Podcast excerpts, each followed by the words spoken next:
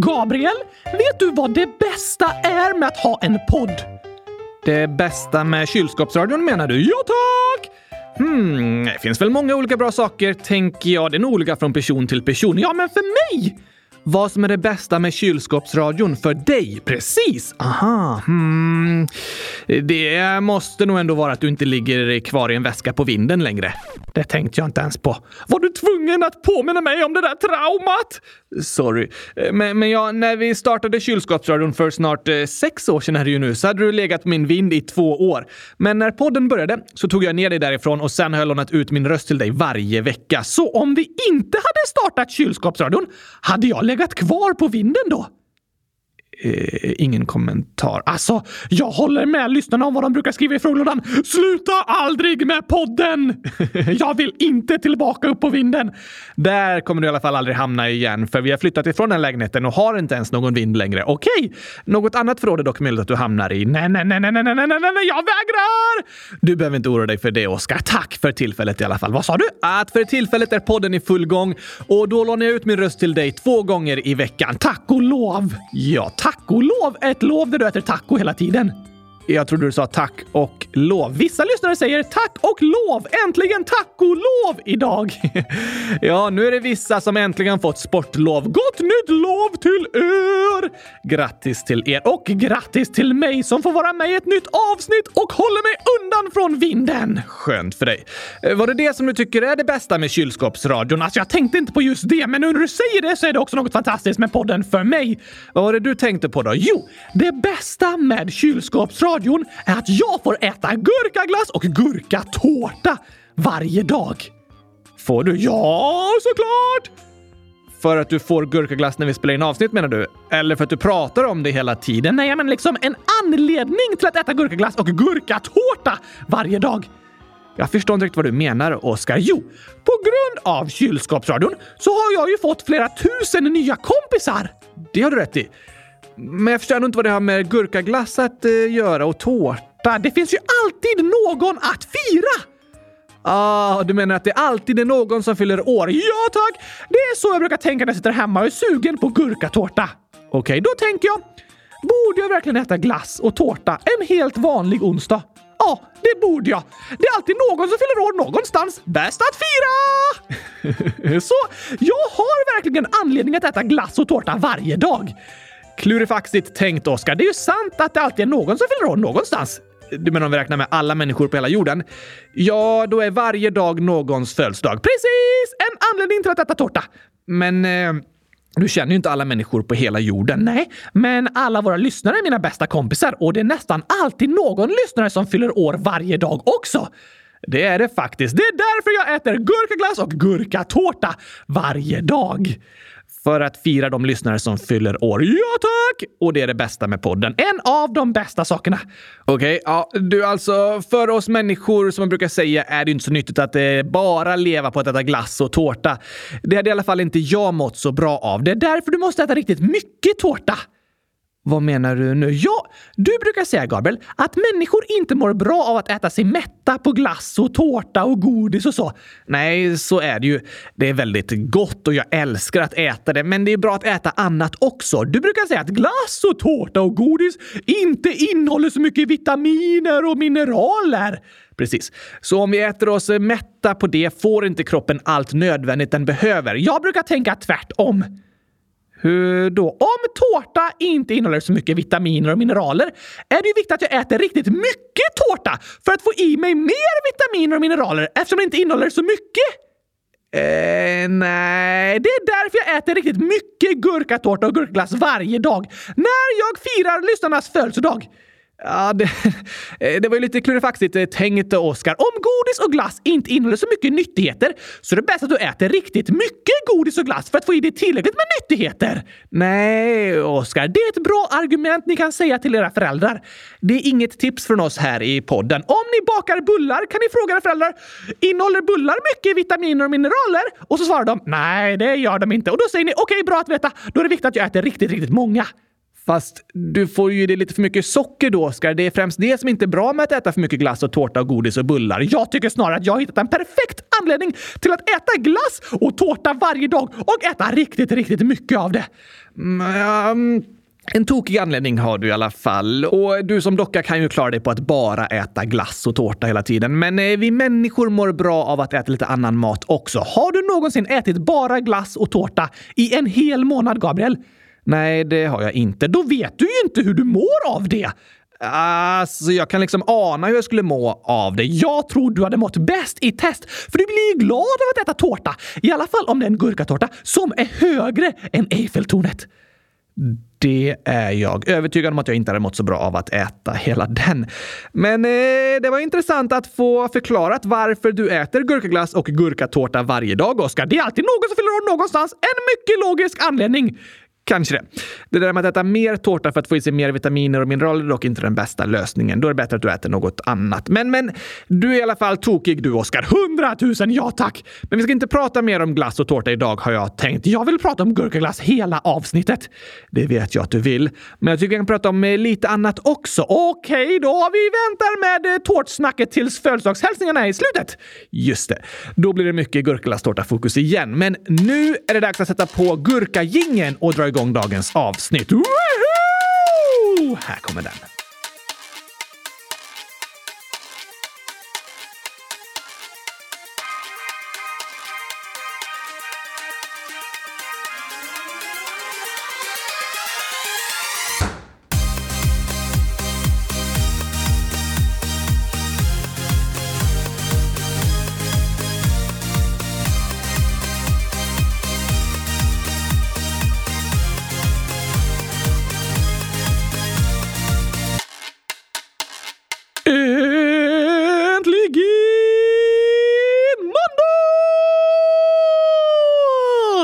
Och äntligen avsnitt 100 417 av Kylskåpsradion. Woho! Så roligt att just du lyssnar. Ja tack, du är bäst i test. Det tycker vi. Men vad ska vi göra i dagens avsnitt, Gabriel? Ja du, eh, snart har jag tänkt att vi ska svara på några frågor från eh, Lingonsylt 2.0 och eh, Ledsna kylskåpet. Oj, oj, oj! Och ha dagens skämt såklart! Absolut, det ska vi ha. Men Först så tycker jag att vi borde kolla till en av våra omröstningar igen. Vilken då? Jo, men häromveckan veckan pratade vi om ett nytt land och idag tycker jag därför det passar att prata om ett nytt djur. Ja, det är det många lyssnare som tycker om. Det är det verkligen. Och vi har en omröstning på vår hemsida där ni kan rösta på det djur som ni vill att vi ska prata om. Vilket djur leder omröstningen? Jag ska kolla här. Mm, mm, mm. Åh, spännande ju! Är det vandrande gurkor? Vandrande gurkor har jag aldrig hört talas om. Det borde finnas. Det finns ju vandrande pinnar. Då borde väl gurkor också kunna vandra? Ja, du tänker så. Nej, vandrande gurkor är inget djur. Men sjögurkor då? De har vi redan pratat om. Ja, just det.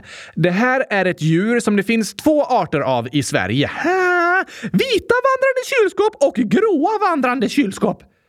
Inte de heller. Okej, röda vandrande kylskåp då?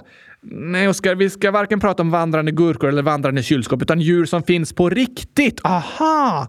Jag ska nämligen berätta lite om rävar. Oj, oj, oj! Vad är rävar för slags djur egentligen? Alltså, det finns egentligen ingen liksom, djurfamilj som kallas för rävar. Så de finns inte? Du sa att vi skulle prata om ett djur som finns på riktigt och nu säger du att de inte finns. Ja, alltså, eh, de finns, men eh, rävar är ett eh, trivialnamn kallas det. Jag har verkligen ingen aning om vad du pratar om nu. Men tänk ödlor. Vad har ödlor med rävar att göra? Ingenting. Varför pratar vi om dem då? Men ödlor är en samling av olika arter av kräldjur. Eh, du menar att det finns olika sorters ödlor och att de är typ i samma familj så alla kallas för ödlor? Ungefär ja. Och det finns olika arter av rävar som ingår i familjen rävar. Nej, rävar är inget biologiskt namn på det sättet, utan alla olika arter av rävar är hunddjur. Är rävar hundar? Det är den familjen olika rävar ingår i, ja. Men sen finns det olika arter av hunddjur som kallas för rävar. Men de är egentligen inte en grupp rent biologiskt liksom. Uh, hej! Du menar att det är lite oklart vilka djur som är rävar och inte? Ja, det är olika på olika språk faktiskt. Ta arten afrikansk öronhund till exempel. Är det en räv? På svenska kallas den inte för det, men på engelska heter den bat-eared fox, alltså fladdermusörad räv. Så det är en räv? På engelska säger de det, men inte på svenska. Oklart. Ja, det är oklart. Det finns ingen tydlig bestämdhet över vilka hundarter som är rävar och inte. För de är inte en egen systematisk bestämd grupp som det kallas. Därför är rävar ett eh, trivialnamn. Det betyder ett eh, icke-systematiskt namn. Eh, Jaha, men som används mycket ändå. Precis. Rävar är ingen bestämd grupp av olika arter, men oftast ingår hunddjur som ser ut ungefär likadana ut i den gruppen. Ganska kortbenta med triangelformade upprättstående öron, en ganska spetsig nos och en yvig svans. Okej. Okay. Finns det många olika sådana arter? Det brukar vara runt tio olika arter som kallas för rävar. De är i släktet Vulpes, så det släktet kallas ibland för ett släkte med rävar. Men det finns arter i de andra släkten som också kallas för rävar. Det är lite oklart. Ja, det tror jag ni har förstått nu. Men de rävarna finns i Europa, Asien, Afrika och Nordamerika. Och rödräven har även introducerats i Australien. Okej? Okay. Det finns till exempel sandräven som bor i halvöknar och savanner i norra Afrika. Det finns eh, tibetansk räv som bor i Tibet. Bra gissat, Oskar. Alltså, jag är väldigt smart. Absolut. Tibetanska rävar finns på fler ställen än bara i Tibet, men i området runt Himalaya liksom och lever mellan 2500 till 5200 meters höjd. Wow! Sen lever ökenkatträven i sydvästra USA och norra Mexiko. Präriekatträven bor i torra områden i Nordamerika. På prärien! Precis. Prärie kallas stora grässlätter i centrala Nordamerika. Ja, just det. Sen har vi även arten fennek, som även kallas ökenräv, för den bor i Sahara och Nordafrika Afrika. Det är den minsta arten av hunddjuren. Hur liten? Mellan 30 till 40 centimeter lång. Åh, vad söt! Väldigt, väldigt söt faktiskt. Sen finns det även en indisk räv som bor i Amerika.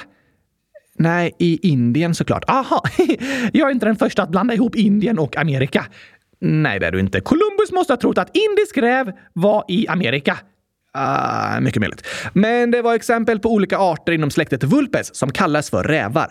Men vi har även två olika rävar i Sverige. En gul och en blå, så att det blir den svenska flaggan. Nej, utan en röd. Det låter snarare som den kommer från Norge. Den finns i Norge också. Aha! Rödräven är den vanligaste arten i rävsläktet. Därför brukar den kallas för vanlig räv. Är det den många tänker på när de tänker på räv? Ja, det tror jag. Och som jag sa är ju rävar del av släktet Vulpes, men rödräven heter på latin Vulpes vulpes. Den är dubbelt så mycket räv som alla andra. Nej, inte riktigt, men det är väldigt tydligt att det är den vanligaste räven.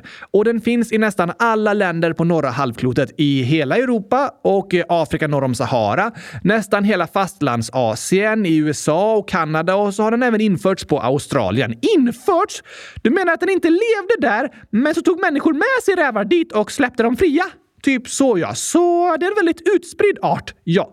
Därför delas rödräven ofta upp i ungefär 45 olika underarter. Ännu fler indelningar. Som om det inte var tillräckligt krångligt redan. Jag håller med dig. Men det är inte den enda räven som bor i Sverige, utan här finns ju även fjällräven. Just det! Men den pratade vi faktiskt om eh, för några år sedan i avsnitt 100 279. Så vi ska inte ha för stort fokus på fjällräven idag också. Vill ni veta extra mycket om rävar kan ni lyssna på båda avsnitten. Absolut. Och eh, det finns fler rävar kvar i omröstningen, som ökenräven Fännek. Precis.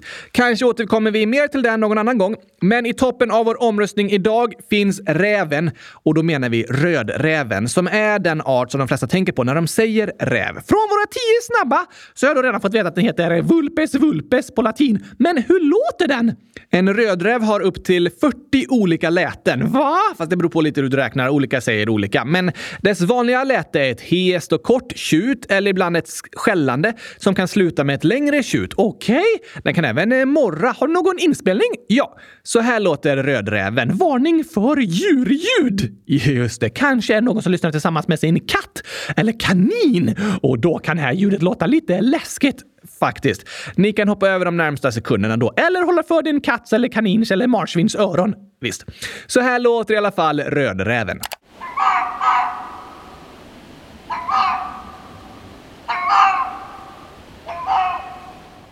Det hörs ändå att det är ett hunddjur. Jag håller med om det. Men hur ser en rödräv ut då?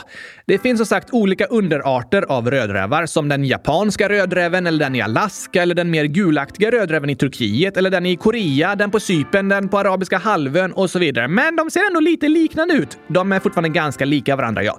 Rödrävens kropp är ungefär 75 cm lång och så har svansen ungefär 40 cm till. En eh, vuxen hane väger runt 8 kilo, en vuxen hona runt 6,5 kilo och den har en rödfärgad rygg och vit mage. Det känner jag igen, kan jag tänka mig. I närheten av fötterna är även svart och spetsen av svansen brukar vara vit. Varför det?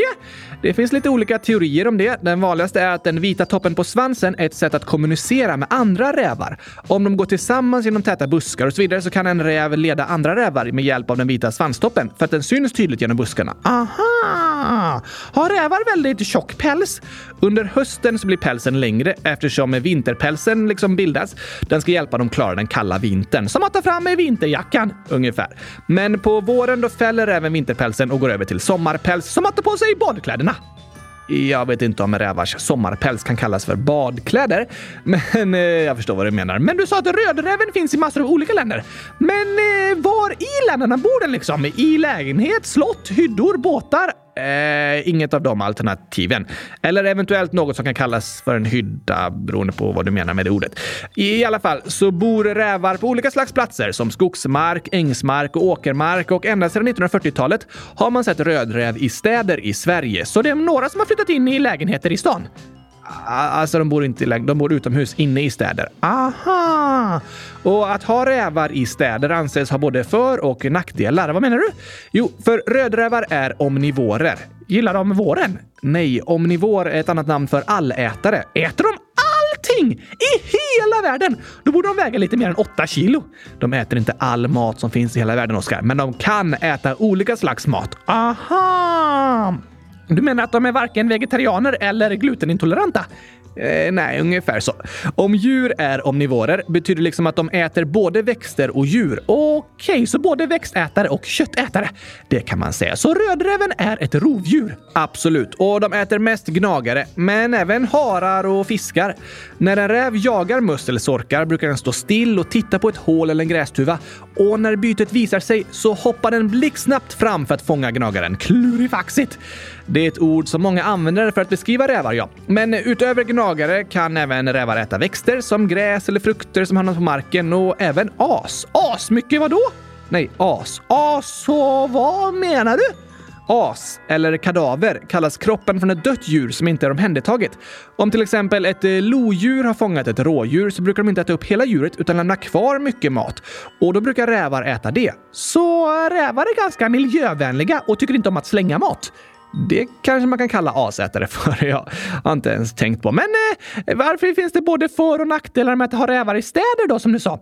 Jo, men de brukar jaga sådana djur som kan ses som ohyra i städerna, som eh, råttor, men kan även döda husdjur och kycklingar och andra djur som inte är tillräckligt skyddade och så. Ah, då blir inte människorna så glada. Nej, inte direkt och inte djuren heller som blir jagade. Det har du rätt i. Och eh, på tal om var de bor så har en rödräv ett revir som är mellan 5 och 20 kvadratkilometer stort som det markerar med avföring och urin för att visa andra att eh, här bor jag. Precis, de kissar runt lite. Så gör de. Och i mitten av reviret ligger rävens gryt. En gryta där de lagar maten? Nej, gryt är en jordhåla. Ett system av gångar som används för, som lya att bo i. Aha! Så rävar bor i marken? Ja, eller bland stenrösen eller i bergshålor eller under trärötter och så. Låter lite mysigt att gå och lägga sig i ett gryt, faktiskt. Men oftast gräver inte rävarna sitt eget gryt, utan de tar det över från grävlingar eller kaniner. Va? Lite taskigt att sno någon annans hus. Ja, särskilt om du äter upp dem först. Oj, oj, oj. Men sen så använder rävarna samma gryt i många generationer. Du menar att rävens barn och barnbarn fortsätter bo på samma ställe? Så brukar det vara. Coolt! De får ärva tvn och soffan och allting. De har ingen tv och soffa där inne. I alla fall, så runt huvudingången till grytet skapar räven flera flyktgångar som den kan använda vid fara. Aha, det var klurifaxigt gjort. Absolut. Bor rävar ensamma eller tillsammans? Stora delar av året lever varje räv ensam, förutom under parningstiden och när ungarna är små. Hur många barn föder en räv och vad kallas de? Rävar är ju hunddjur, så barnen kallas för valpar. Såklart. Och vanligtvis föder honan tre till fem valpar på ett år, men kan ibland vara uppåt tio stycken. What? Och alltså födelsetillfället sker en gång per år, men det kan vara flera stycken samtidigt. Ah, att de har tvillingar liksom. Ja, eller snarare trillingar då, eller fyrlingar. Oj, oj, oj, oj, oj. Eller tennelingar! Eller hundratusenlingar! Jag vet inte om något av de namnen är så man skulle säga. Men du fattar vad jag menar. Och eh, när rävvalpar föds väger de runt 100 gram och efter ungefär två veckor öppnar de ögonen för första gången. Och de diar i ungefär en månad. Di är... Hur då sa du? Att eh, dia betyder att dricka mjölken från mamman. Ah! Och efter en månad får valparna lämna grytet för första gången och följa med på korta utflykter. Och efter fyra månader är de självständiga och kan flytta hemifrån. Gå lite snabbare än för människor. Precis. Jag har aldrig hört talas om en fyra månaders bebis som flyttat hemifrån. Nej, det vore galet. Men eh, rävar växer upp snabbare än människor och blir inte lika gamla. Hur många år blir en räv? I fångenskap brukar de bli ungefär 14 år gamla, men i det vilda lever en räv sällan längre än i fyra år. Oj då! Varför dör rävarna? En rödräv dör ofta på grund av sjukdom, till exempel rävskabb. Men det största hotet är människor. Va? Många rävar dör i trafikolyckor och de kan även bli jagade av människor. Varför det? Tidigare jagades rävar väldigt mycket på grund av skinnet var värdefullt, alltså pälsen. Men idag är det oftast andra anledningar. I Sverige får rävar jagas under hösten och början av våren. Är räven en utrotningshotad art? Nej, rödräven är livskraftig som det kallas. Det är ingen som vet hur många som finns i Sverige, men kanske runt 150 000 stycken rävar. Aha! Det är ju stor skillnad mot antalet fjällrävar som bara är strax över 200 stycken. Oj då! Så fjällräven är en hotad art, men rödräven är livskraftig. Precis. I Sverige är det i alla fall så. Okej, okay. men Rödräven finns inte bara i Gryteskogen, utan är även en väldigt vanlig eh, karaktär i berättelser och sagor. Ja, just det! Och då brukar räven beskrivas som klok och listig. Varför det? Ett vanligt uttryck är att vara slug som en räv. Slug vadå? Slug betyder att vara listig och finurlig. Det kan även kallas att vara rävaktig. Va? För att rävar är sluga och listiga? Det brukar anses så. Så om du är en slug och finurlig person kan du kallas att du är rävaktig. Och i sagornas värld så är rävarna alltid lite sluga och finurliga. Kan man vara klurifaxig som en räv också? Um, ja, det är ju nästan samma sak som att vara slug som en räv. Klurifaxig låter dock lite mer tokigt, medan att vara slug är ju kanske att ha ett smart sätt att få sin plan igenom och sådär. Ah, men varför är räven så slug och listig? Det kommer antagligen från att de är listiga rovdjur som jagar på smarta sätt och även kan vara svåra att fånga i fällor och att de är svåra att överlista liksom. Men sen har klassiska uttryck som slug som en räv också kommit från sagor och berättelser om rävar där de har den karaktären. Så det är liksom både påhittat och sant. Det är nog en kombination av påhittat och sant, ja. Och en klassisk fabel som är typ en saga om en räv skrevs av Aisopos, en grekisk fabeldiktare som levde för över 2500 år sedan sedan. Det är ganska länge sedan. Ja, fanns det rävar då också? Absolut. Annars hade han ju inte skrivit en fabel om dem. Det har du rätt i. Och Aisopos fabel om räven och druvorna är en väldigt känd berättelse som också blivit till ett känt svenskt ordspråk. Va? Hur är berättelsen då? Jo, den handlar om en räv som ser några fina vindruvor som hänger högt upp på en vinranka. Vill den äta dem? Ja. Räven tänker Mm, de där ser riktigt goda ut. De måste jag försöka nå så jag kan äta upp dem. Så räven testar på alla olika sätt att få tag på vindruvorna. Den hoppar och försöker klättra, men det går inte att nå dem. Bygger den en helikopter och flyger upp till druvorna? Eh, nej, det står det inte något om i Aesopos fabel eftersom den skrevs för över 2500 år sedan. Ah, sant. Hur lyckas den klurifaxiga räven att få tag på druvorna då? Den lyckas inte. Räven hittar inget sätt att nå druvorna på, så den ändrar sig. Hur då? Räven säger till vindruvorna. Äh, ni är inte ens mogna. Jag vill inte ha några sura vindruvor. Var de inte goda? Det var de säkert.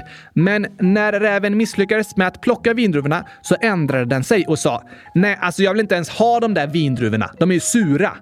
Så istället för att erkänna att den misslyckats med att plocka vindruvorna ändrade den sig och började säga att vindruvorna är sura, att den inte ens vill ha dem. Precis. Aha! Och det är en berättelse om hur vi människor kan bete oss ibland. Att om det är något vi egentligen vill ha, men så misslyckas vi med det, så säger vi äh, jag vill inte ens ha det där, fastän vi egentligen ville det. Okej, Okej, tror du räven var rädd för att andra skulle skratta åt att den misslyckats? Och därför sa den “Jag vill inte ens äta de där sura vindruvorna, jag försökte inte ens, jag vill inte ha dem, de är sura”? Ja, så kanske det var. Det är inte alltid så lätt att erkänna ett misslyckande och därför försöker vi ibland försvara oss genom att säga “Fast jag försökte inte ens. Jag vill inte lyckas med det där. Jag vill inte ha dem.” Är det fabelns betydelse? Ja, det är det mänskliga beteendet som Aesopos försöker beskriva genom berättelsen om räven och druvorna. Och den berättelsen är grunden i ett psykologiskt begrepp som kallas kognitiv dissonans. Det låter extremt krångligt. Eh, ja, eh, det är det också. Men det handlar liksom om att känna flera saker samtidigt som inte passar ihop. Som räven som ville ha druvorna, men som inte kunde få druvorna och därför började säga att den inte ville ha druvorna för de var sura. Precis. Och sådana motsägelsefulla känslor kan vi människor ha. Och vi kan försöka förneka eller låtsas som att vissa känslor inte finns. Intressant! Ja, det är något som undersöks mycket inom socialpsykologi, som det kallas. Men eh, vad är det för ordspråk som kommer från rävens berättelse då? Jo, fabeln om räven och vindruvorna har lett till ordspråket “Surt, sa räven”. Aha! Men den här fabeln är även ett exempel på hur ett översättningsfel kan förändra poängen i en berättelse. Okej, okay. för när räven och vindruvorna översattes till svenska så byttes vindruvorna ut mot rönnbär. Varför det? För att det skulle vara en allitteration där båda orden börjar på samma bokstav. För så var det skrivet på grekiska. Aha, räven och rönnbären! Precis, det lät snyggt liksom. Men problemet då blir att rönnbär är alltid sura. Aha! Ah! Och poängen i berättelsen är ju att räven egentligen trodde att vindruvorna var goda, men när den inte kunde få dem sa räven “Jag vill inte ha de sura vindruvorna”. Men om berättelsen istället handlar om rönnbär försvinner ju hela poängen eftersom rönnbär alltid är sura. Så en ganska viktig del försvann i översättningen. Ja, men därför är talesättet i Sverige ofta Surt sa räven om rönnbären. Det känner jag igen. Det är det vissa som säger då och då. Och nu vet ni vilken berättelse det uttrycket kommer ifrån och att berättelsen blir bättre om den handlar om vindruvor. Ja, faktiskt. Så eh, det finns gamla grekiska fabler om rävar. Finns det några skämt om rävar också, tror du? Vi får väl se. Här kommer dagens skämt.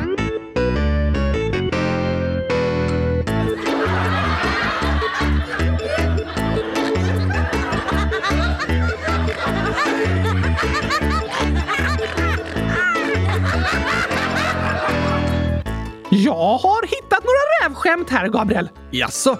Det låter spännande. Det är några gåtor så vi får se om du är tillräckligt slug för att lista ut. Oj, oj, oj. Om du är slug som en räv så kan du klara dem. Rävar är kluriga och om du svarar fel kan du göra som räven och säga Alltså, eh, jag vill inte ens svara rätt. Just det, men första frågan är Varför jagade räven kaniner? Hmm. Ja, det kan ju rävar göra ibland. Ja tack, men varför? Ehm, alltså den var hungrig. Ganska logiskt svar, men inte helt rätt. Okej. Okay. Den skulle ha kalas. Nej tack! Den... Eh, skulle göra en god middag, någon dejt. Nej, jag har ingen aning, Oskar. Varför jagade räven kaniner? För den var sugen på att äta snabbmat. Snabbmat. Kaniner är snabba. Ja, verkligen. Men eh, snabbmat handlar ju om att maten går snabbt att laga till, inte att det du äter var ett snabbt djur. Berätta det för räven. Ska jag göra. Undrar om räven försökte fånga kaninerna, men inte lyckades för att de var så snabba. Så då sa räven, äh, jag vill inte ens ha snabbmat. Alla säger ändå att det inte är så nyttigt. det där var en liten modern version av Aesopos klassiska fabel. Ja, tack! Men varför ville räven äta ett dött rådjur? Oj då. Ingen aning. Den var ashungrig! As, det har jag lärt mig idag vad det betyder. Det är ju ett dött djur som till exempel ett annat rovdjur lämnat kvar. Ja tack! Även hyenor är ashungriga. Ja, hyenor är också asätare och därför måste de vara ashungriga. Det var lite tokig ordvits. Det låter ju så. Men vet du vilken eh, som är rävens favoritdans? Eh, dans? Um, bugg? Nej. Tango? Räv? Någonting? balletter, hiphop. Den hoppar kanske... Räv, räv, jag kan inte komma på något tokigt svar, Oskar. Foxtrot såklart! Ja, det borde jag listat ut. På engelska heter räv fox. Precis. Och foxtrot är en vanlig pardans. Ja, som du dansar med en räv. Eh, nej, äh, som du måste vara väldigt slug och listig för att dansa. Nej, det är inte det heller. Varför heter den rävdansen då? Antagligen är dansen eh, Foxtrot eh, döpt efter en namn som hette Fox i efternamn. Aha! Tokigt att heta Rev i efternamn. Ja, det är ungefär som att jag heter Val i efternamn. Det har du rätt i. Fox är ett ganska vanligt ord att använda i engelska. Det finns många som heter det i efternamn eller även förnamn kanske. Det finns även en stor tv-kanal i USA som heter Fox News och ett stort filmbolag som tidigare hette 20th Century Fox och så vidare. De har gjort filmerna Ice Age till exempel. Ja, oh, just det! Men nästa gåta är så här. Vilket elevhem gillar räven mest häst i Harry Potter? Eh, det måste ju vara Ravenclaw! ja, såklart. Ravenclaw, Ravenclaw. Där måste de vara sluga och listiga som rävar! Kanske det. Men om du egentligen vill hamna i Ravenclaw, men så blir du vald till Gryffindor istället så kan du säga nej, jag vill inte ens hamna i Ravenclaw. som en riktig räv. Precis. Men vad tycker rävar om att göra på kvällarna? Eh, läsa fabler? Nej tack, nu för tiden, inte för 2500 år sedan okej, okay, moderna rävar då liksom. Jag vet inte vad de kan göra. De gillar att spela X-Fox. X-Fox. Det heter ju Xbox, men rävarnas spel heter X-Fox för att de heter Fox på engelska. Okej. Okay. Ah, det var lite tokiga rävskämt, Oskar. De bästa hittar jag på själv, kan jag tänka mig. Men ska vi lyssna på djurkalendersången nu? Den passar ju när vi pratar om ett djur. Ja, tack! Här kommer den.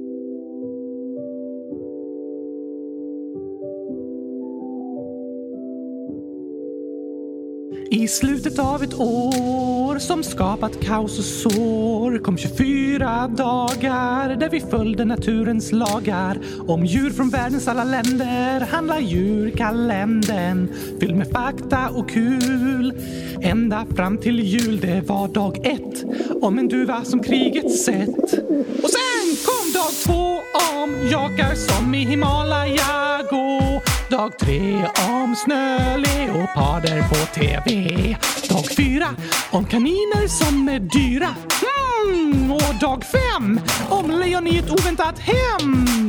Sen var det dag sex om koalor som väcks. Dag sju om vargar som gillar AU. Dag åtta om ekorrar som kottar spottar. Och dag nio om hunden som går att se på bio omvalda från Arpe till Dag 11 om kaffe som rengör sig själva. Dag 12 om sjögurkor på havets gård. Dag 13 om hamstrar där ingen ser dem. Dag 14 om kattbjörnar vi länge haft fel om. Dag 15 om Fiskarna och dess syskon. Dag 16 om leoparder som inte har bråttom. Dag 17 om läskiga ormar i köksgolv. Dag 18 om långsamma snäckors gång. Dag 19 om ugglor som ej är så kloka vi tänkt om. Dag 20 om hästen som fick experternas tilltro. Dag 21 om de vackraste björnar vi sett. Och dag 22 om grenar sengångarna sitter på. Dag 23 om kameleonternas flexibilitet. Dag 24 om renar som tomten styra. Den, den.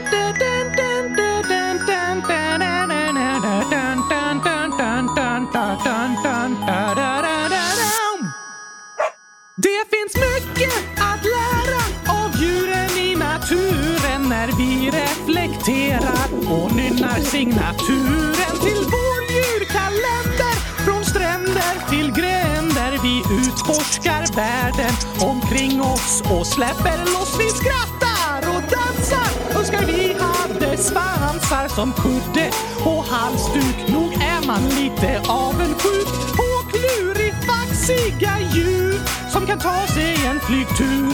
Men vi förundras tillsammans över vår natur.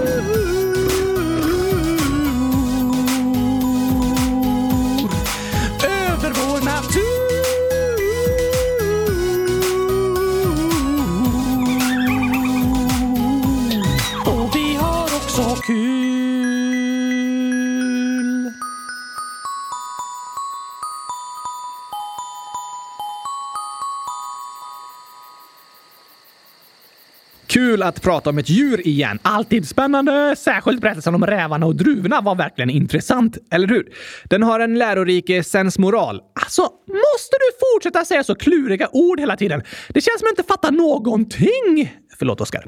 En berättelses sensmoral är liksom vad den betyder. Vad vi kan lära oss av berättelsen. Aha! Vad är sensmoralen av dagens skämt? Oj, ehm... Jag vet inte. Att vilken situation du än hamnar i så går det alltid att hitta ett sätt att skratta och skoja tillsammans. Ja, just det. Till och med när vi pratar om rävar. Precis. Eh, intressant och fin sensmoral.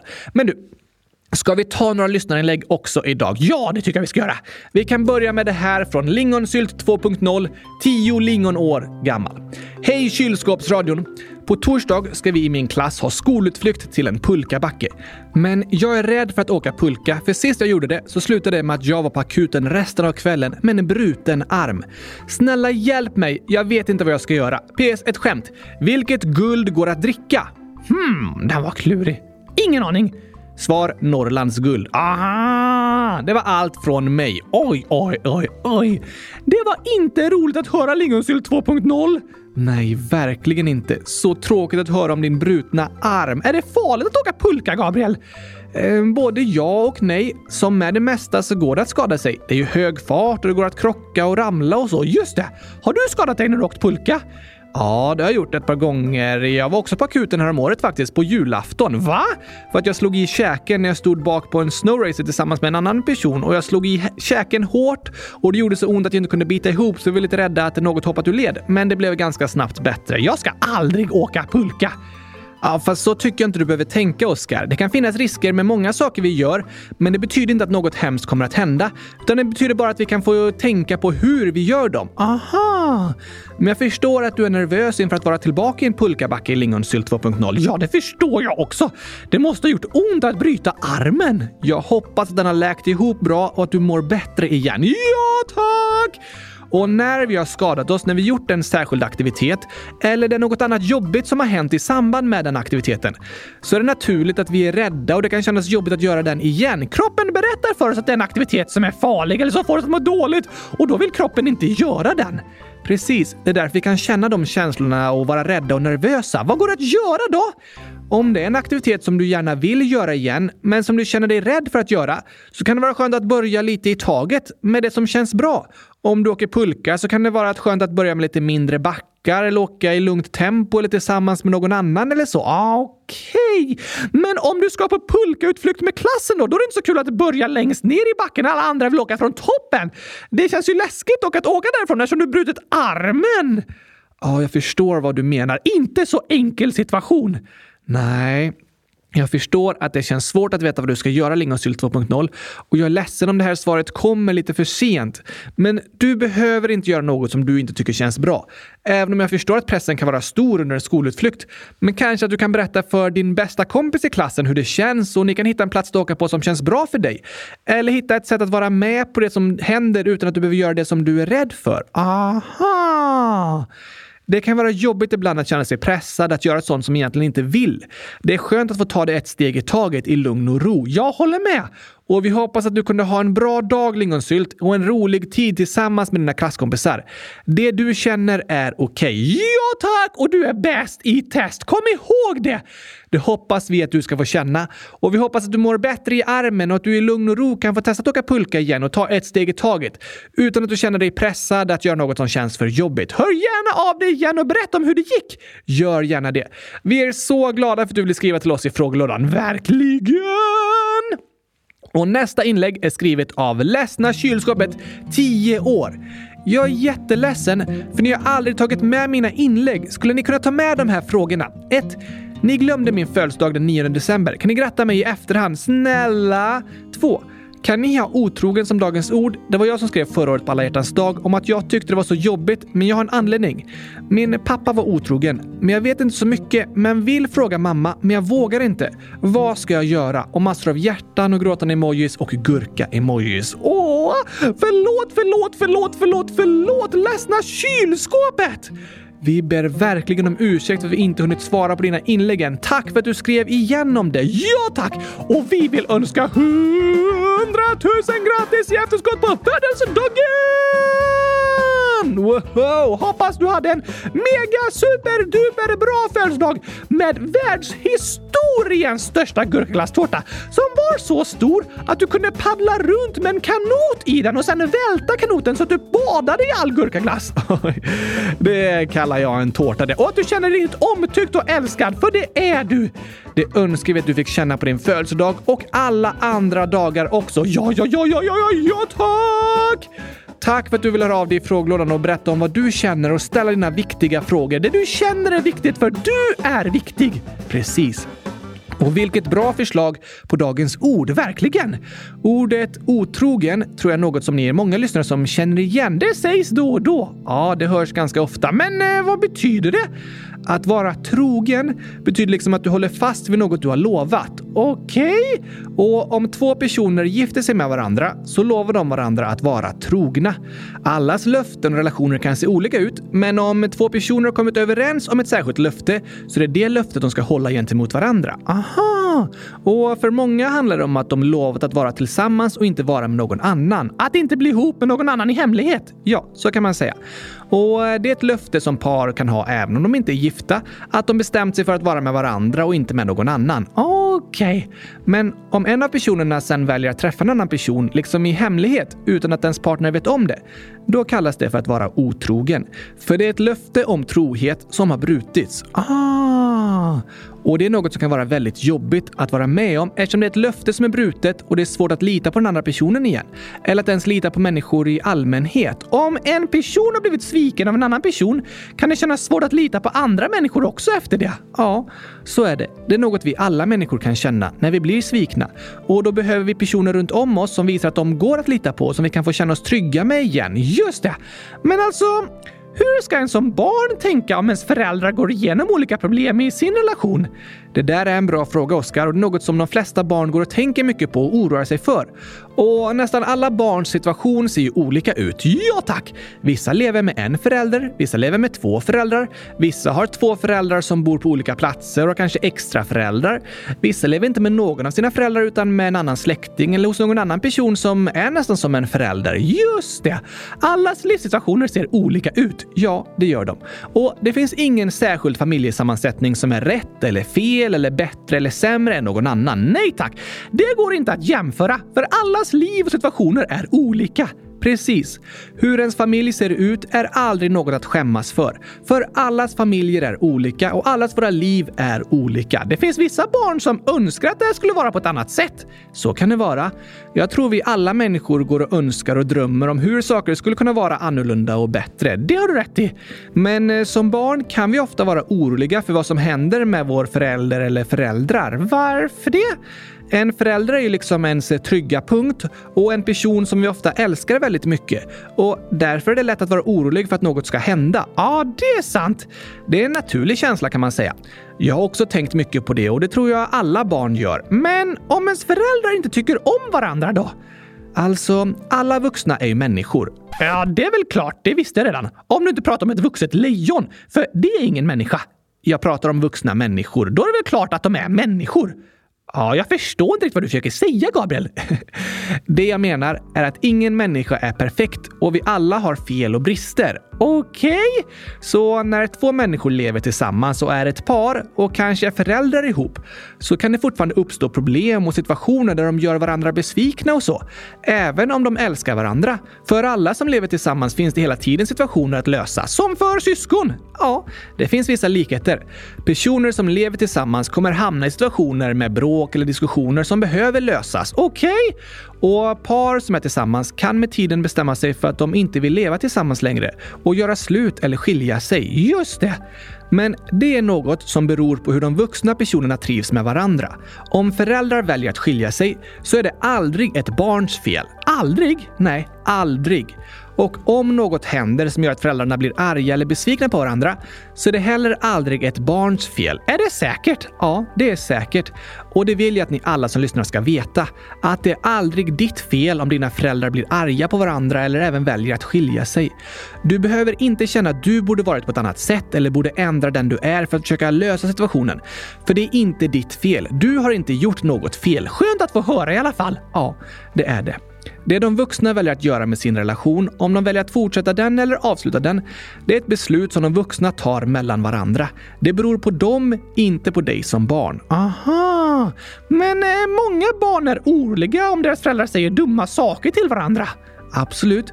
Det är det många av er som skriver om. Att ni känner er oroliga när ni ser föräldrar behandla varandra illa. Och såklart är det lätt att känna oro som barn då. Och om du tycker att dina föräldrar är på ett sätt mot varandra som får dig att må dåligt så får du gärna säga det till dem så de förstår vad det får dig att känna. Men om det känns som en hotfull situation hemma och du inte känner dig trygg, då är det superbra om du kan berätta det för någon annan vuxen som du tycker om och litar på så att du kan få den hjälp du behöver. Just det! Men för ledsna kylskåpet då? När det hänt något mellan föräldrarna som ledsna kylskåpet vill fråga mamma om, men det känns svårt, vad går det att göra då? För det första vill jag än en gång säga 100 000 tack för att du ville skriva och berätta om vad du känner ledsna kylskåpet och be jättemycket om ursäkt för att du inte fått ett snabbare svar. Ja, tack! Det var starkt och modigt att du ville berätta och det är superbra att du delar med dig av vad du känner. För vad du känner är viktigt. För du är viktig! Verkligen. Och jag förstår att det här känns som en klurig situation när du vill fråga din mamma, men det känns svårt. Det är inte alltid så lätt att ta upp allvarliga saker. Nej, verkligen inte. Men som jag sa tidigare så har du inte gjort något fel i den här situationen. Du har inget att skämmas för och din mamma är på inget sätt besviken på dig. Hon vill bara att du ska må bra. Så om du har frågor och oro som du bär på som gör att du mår dåligt så vet jag att din mamma önskar att du ska få svar och få må bättre. Just det! Så om det är något särskilt du undrar som du skulle må bra av att få svar på så tror jag att din mamma vill svara på det. Jag är övertygad om att hon vill att du ska må bra och vill göra vad hon kan för att du inte ska känna oro. Ja, tack! Så dina frågor är okej. Okay. Du behöver inte stänga dem inom dig. Det gäller för alla som lyssnar. Era frågor är okej. Okay. Ja, verkligen. Och om era föräldrar är på ett sätt som får er att känna er oroliga eller nervösa så är det okej okay att berätta om det. Jag är säker på att era föräldrar vill förklara för er och prata med er så att ni kan känna er trygga. Ibland kan det vara en situation som har misstolkats där du som barn tror att något allvarligt har hänt, men så har det egentligen inte det. Ja, just det! Då kan ju föräldrarna få förklara det hela. Och i andra fall kan det vara något jobbigt som har hänt som du är orolig för, men då kan dina föräldrar få bekräfta att det inte är ditt fel och att de älskar dig supermycket. Det känns skönt att få höra. Det gör det alltid. Så tack till alla er som vågar berätta om vad ni är med om och som vågar ställa även de svåra frågorna. Det du känner är viktigt, för du, du som lyssnar, du är viktig. Och du är bäst i test! Ja, tack. Hör gärna av dig igen, ledsna kylskåpet, och berätta om vad du känner. Vi önskar dig allt gott och skickar hundratusen hälsningar och virtuella kramar här från oss och alla lyssnare i kylskåpsradion. Det gör vi verkligen! Ha det bäst. Men Gabriel, när något jobbigt händer så kan det kännas som en katastrof. Absolut. Som är orsakad av en katt. Nej, katastrofer kan bero på olika saker. Nej, de beror alltid på katter. Det är därför de heter kattastrofer. Det är inte sant, men jag förstår vad du menar. Katter kan vara katastrofala. Alltså det sjunger du om i sången i alla fall. Ja, tack! Och till alla er som känner att ni varit med om en katastrof som är orsakad av en katt eller något annat vill vi skicka hundratusen uppmuntrande hoppfulla ord till er. Det vill vi. Och spela upp sången Kattastrofer. Aha. Eh, vad är sensmoralen i den tänker du då? Jo, jag tänker att det, ibland kan något kännas som en katastrof, men sen så när allting löser sig på ett bra sätt inser vi att det bara var en katt som sjöng en strof. Ah, Okej, okay, jag fattar. Typ så. Vi hoppas att det ska bli så med alla era katastrofer. Att de inte ska vara katastrofer, utan bara strofer om en katt. Alltså en sång om en katt. Som i den här sången. det önskar vi. Lycka till. Här kommer Katt-astrofer!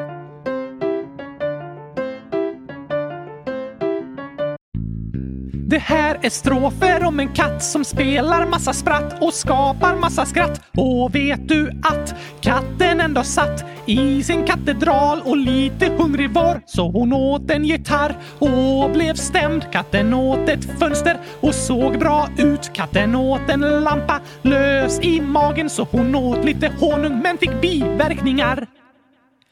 Katten funderade och hade misstankar. Hon sökte efter restauranger i telefon Kattalogen Någonstans kanske finns mat som ej ger magkattar.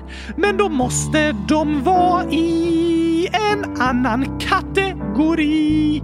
Så katten åt en stekpanna men började fräsa. Åt ett batteri men gjorde volt. Hon åt en insekt och fick fjärilar i magen så då åt hon en mus och vad händer här? Katten åt en mus, Oskar. Ja, men varför funkar inte programmet? För när katten åt en mus fick den datorkrångel. Just det! Spy upp musen igen, katten! Vi måste fortsätta här! Katten åt ett ljus och blev en lussekatt. Katten åt ett hjul och blev däckad. Katten åt en sko och fick sparken. Katten åt en tagare och fick kull. Katten åt en bil, blev ivägkörd och till sist åt katten en linjal och blev mätt. Var är det sista? Nej förresten, det är inte tillräckligt. Ehm. Det sista som hände av alla kattastrofer var att katten åt ett elskåp och blev proppmätt. Tokig sång, Oskar. En lyssnarfavorit. Det är det verkligen. Alltså, om en katt ska fånga en mus men misslyckas, då är det en kattastrof. för katten. Ja, men då kanske den gör som räven och säger Alltså, jag var inte ens hungrig. Den musen var smutsig. Jag ville inte ens äta den, så jag vill inte ha den. ja, det var en eh, tokig fabel. Och eh, med det så ska vi avsluta för idag. Men först ska jag få äta gurkatårta igen! Det ska du få göra, för vi har massor av födelsedagshälsningar. Woho! Först skriver Liam 8 år. Snälla kan ni gratta mig? Jag fyller år 25 februari. Det var igår!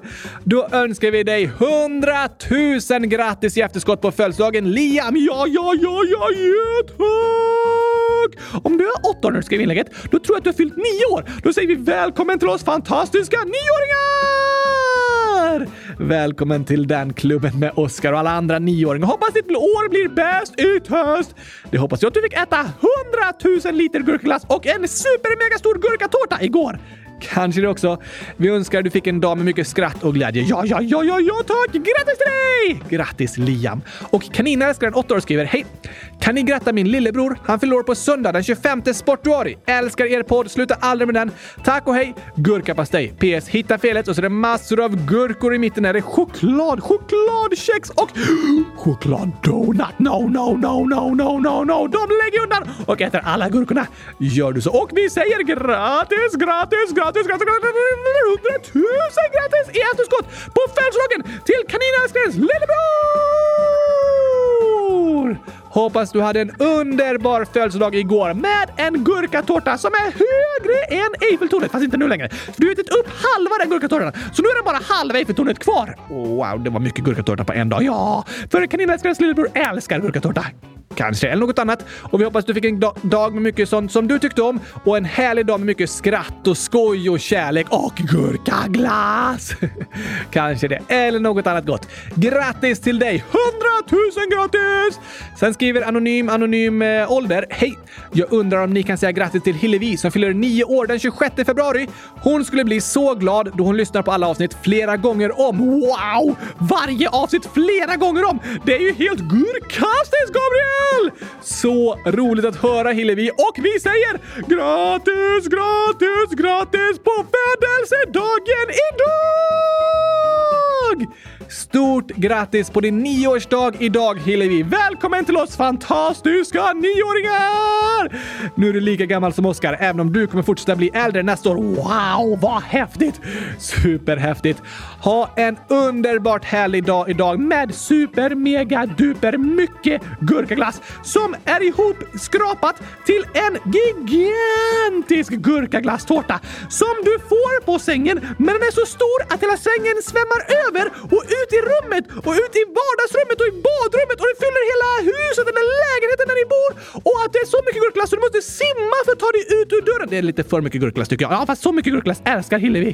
Jag vet inte, men jag hoppas i alla fall du fick något som du tycker om på din födelsedag och att du haft en underbar dag. Ja tack! Grattis till dig! 100 000 grattis Hillevi! Och nästa inlägg är skrivet av Louis mamma, 5 i parentes mamma 36 år. Hej! Louis älskar podden och lyssnar på den så fort han får chansen. Den 28 februari fyller Louis år och han skulle bli väldigt glad om ni kan ge honom en födelsedagshälsning.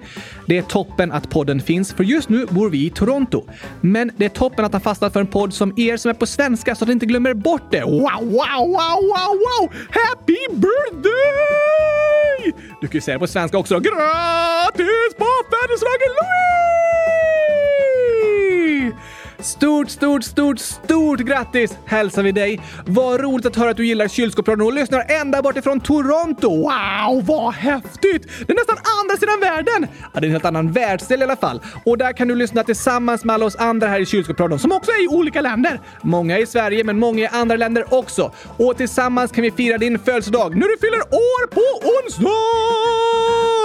Vi önskar dig super mega stort grattis och hoppas du får en mega dunder stor gurkaglasstårta på din födelsedag. Såklart önskar du det Oskar. Jag önskar att du får något som du tycker om och att det är gurkaglass i det. Kanske det. Eller något annat gott. Ha det bäst i test Louis. Lycka till hemma i Toronto. Vi hörs snart igen. Hör gärna av dig igen i frågelådan. Gör gärna det. Hoppas du gillade dagens avsnitt om foxes. Precis, jag kan lite engelska också. Du tränar lite på din engelska ibland Oskar. Ja tack! Och Louis kan lära mig. Det kan han garanterat göra. Hoppas du har en dunderbra födelsedag Louis. Stort, stort, stort grattis till dig. 100 000 grattis! Och Iris, 7 år, skriver Hej! Jag fyller år den 28 februari. Hitta felet så är det massor av gurkor och tomat och kokos och chokladkakor. Chokladkakor också. Jag väljer gurkorna. Det gör du. Och jag väljer att säga grattis, grattis, grattis, grattis, grattis, grattis på födelsedagen Iris! Stort, stort, stort grattis på din födelsedag! Hoppas den blir superduper mega bäst i test! Det hoppas vi verkligen. Och att du får en dag med mycket skratt och glädje och gurkaglass! Såklart tycker du det. Eller något annat gott som just du tycker om Iris. Ja tack! Och att dagen blir bäst i test för just dig! Vi hoppas det blir en dag med mycket skratt och glädje. Att du känner dig omtyckt och älskad. För det är du! Och du är bäst i test! Det hälsar vi dig. Ha en underbar födelsedag. Och unna dig hashtag varulvstagen 100 000 tusen gurkor skriver “Jag fyller 10 år 26 sportuari”. Hashtag gurkglass är gott. Hashtag hur många gurkor? Hashtag, hashtag, hashtag.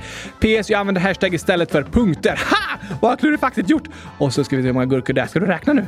Eh, jag använder programmet för att fuska lite. Nämen! 234 gurkemojs! Ah, de äter jag direkt. Och sen så... Nej, jag skulle inte äta upp alla. Jag kan spotta ut dem igen och göra en gurkglasstårta av dem. Eh, jag tror inte att varulvstaggen vill ha en gurkglasstårta gjord av dina utspottade gurkor. Nej, kanske inte. Vi kan ta nya gurkor och så mixar vi dem och så lägger vi in dem i en stor tårta och så ger vi den till varulvstagen på din tioårsdag idag. Woho! Tio år som jag fyller varje år! Det är bäst jag älskar det! Hoppas vi att du också älskar idag när du fyller tio år varulvstagen. Ja, ja, ja, ja, ja, tack! Grattis, grattis, grattis på födelsedagen! Hashtag du är bäst, hashtag i test. Just det.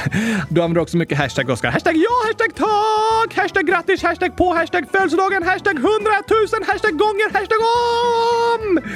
Det önskar vi dig. Ha en underbar hashtag födelsedag. Precis, grattis, hashtag grattis. Grattis till dig! Grattis till er alla som fyller år och ha en härlig vecka alla lyssnare. Vi hörs igen på torsdag! Jag längtar redan. Jag med. Då blir det frågeavsnitt igen! Det blir det som vanligt. Ha det bäst i test tills dess. Tack och hej! Gurkapastej! Hej då!